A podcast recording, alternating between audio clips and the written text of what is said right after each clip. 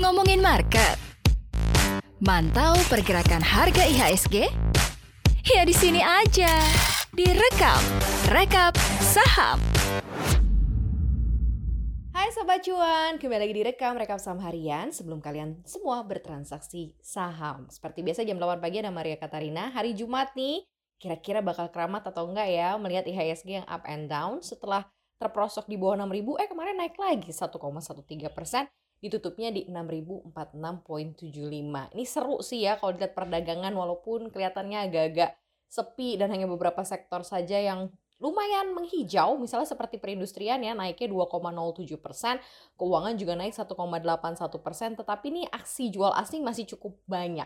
Walaupun kemarin ada beberapa gairah tersendiri untuk beberapa saham yang sudah terkoreksi dalam, contohnya kayak BRI, Telkom, Astra International, BEPS, BCA, BNI, BMRI, United Tractor, Inco, dan Aces yang berhasil membukukan transaksi aksi beli bersih asing. Jadi lumayan jadi favorit lagi nih ya 10 saham tadi yang udah Maria sebutin. Cuman kira-kira Sobat Cuan akan melakukan aksi apa nih di hari Jumat?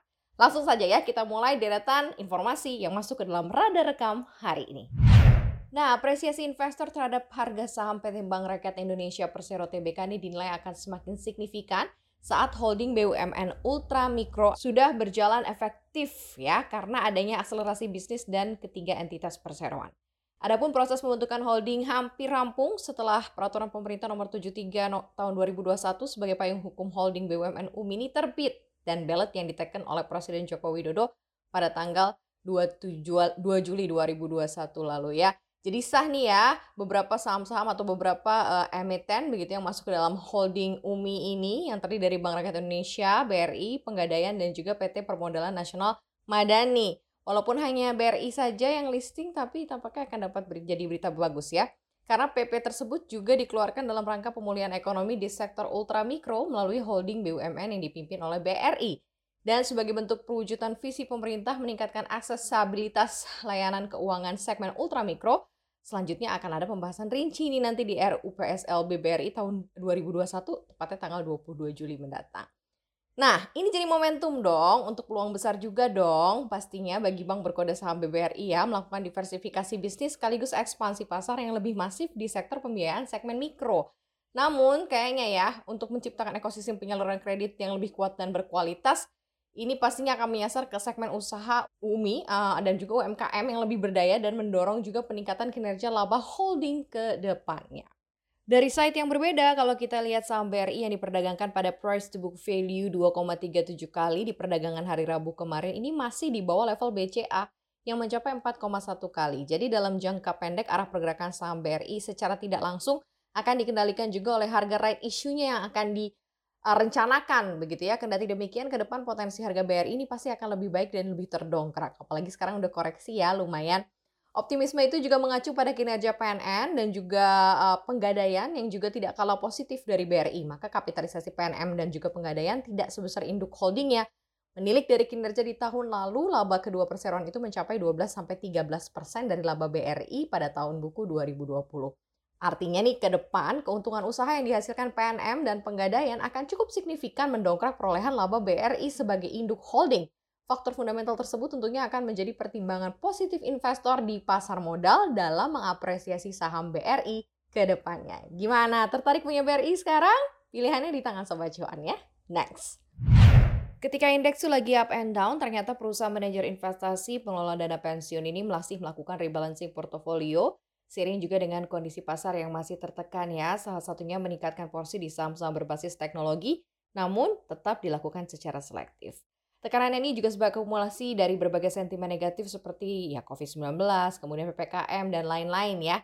Ada beberapa suara nih, khususnya dari Direktur Panen Aset Manajemen Rudianto yang mengungkapkan bahwa pihaknya melakukan rebalancing portofolio secara berkala dari waktu ke waktu, mengikuti perkembangan dana kelolaan dan evaluasi pada aspek fundamental perusahaan dan perkembangan kondisi terbaru, termasuk juga Bursa Efek Indonesia yang akan mengocok ulang konstituen LQ45 ya untuk periode 6 bulan mendatang.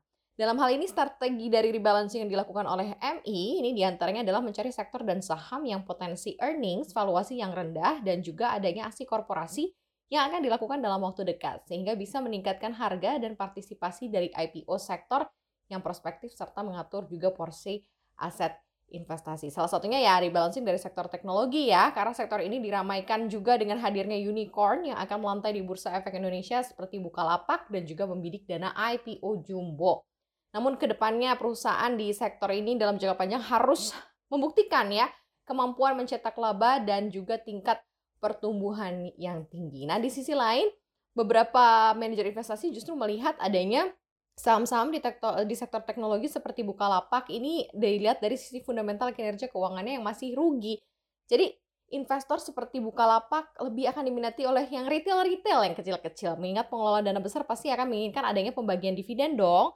Namun untuk perusahaan startup yang masih merugi ini sulit untuk melakukan atau mewujudkan hal tersebut.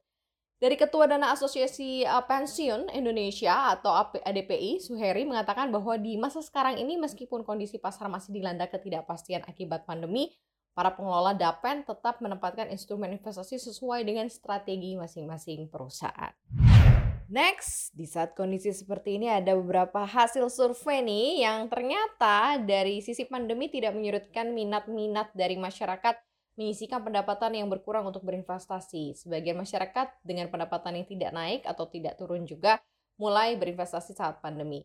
Dalam riset yang dipublikasikan oleh BRI Dana Reksa Sekuritas, sebanyak 33,3 persen responden survei berinvestasi dengan alasan sebagai alternatif pemasukan.